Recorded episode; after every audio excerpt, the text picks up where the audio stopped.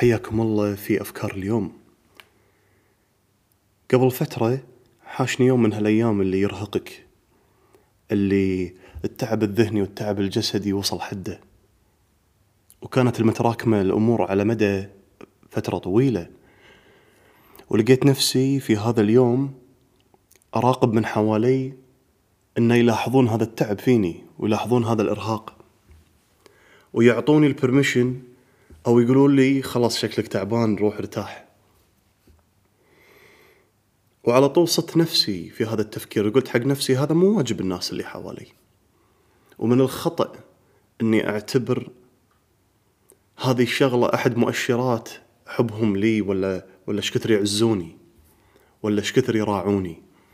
كل من لاهي مع نفسه وكل من لازم يعتني في نفسه.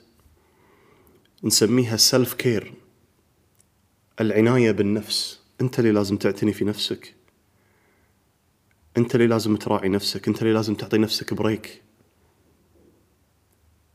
لا تنطرها من أحد. بلغ الناس اللي حواليك وبلغهم لحاجتك لهذا الشيء وبلش. لكن هذه الفكرة تروح تتوسع حق شغلة أكبر وهي مفهوم أن إحنا ننطر.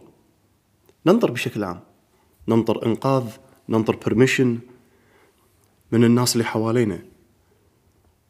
إذا أنت معلق في حياتك المهنية ما فيها نجاح يذكر ما عندك علاقة آه، مستانس منها بالله ما حد ينقذك. بالله ما حد ياك. وهذه مو بطريقة أن أنت وحيد في هذه الدنيا ما عاد في هالدنيا خير ما عاد في الناس خير. لا لا لا هذا هذا تفكير فاشل وتفكير سيء. وإنما صعب تعطى هذه الأمور في إيدك. مو من الطبيعي الناس تعطيك هالأشياء أو الناس تسحبك من إيدك وتخليك تسوي هالأشياء. هذه الأشياء تطلع من داخلك لبرا. أنت اللي لازم تقوم فيها. ويمع من يعز عليك وخلهم يمشون معك في هالرحلة.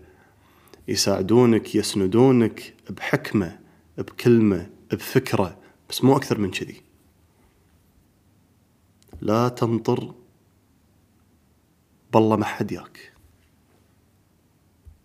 لا تنطر افترض ما حد راح يجيك. وفي الواقع ما حد راح يجيك.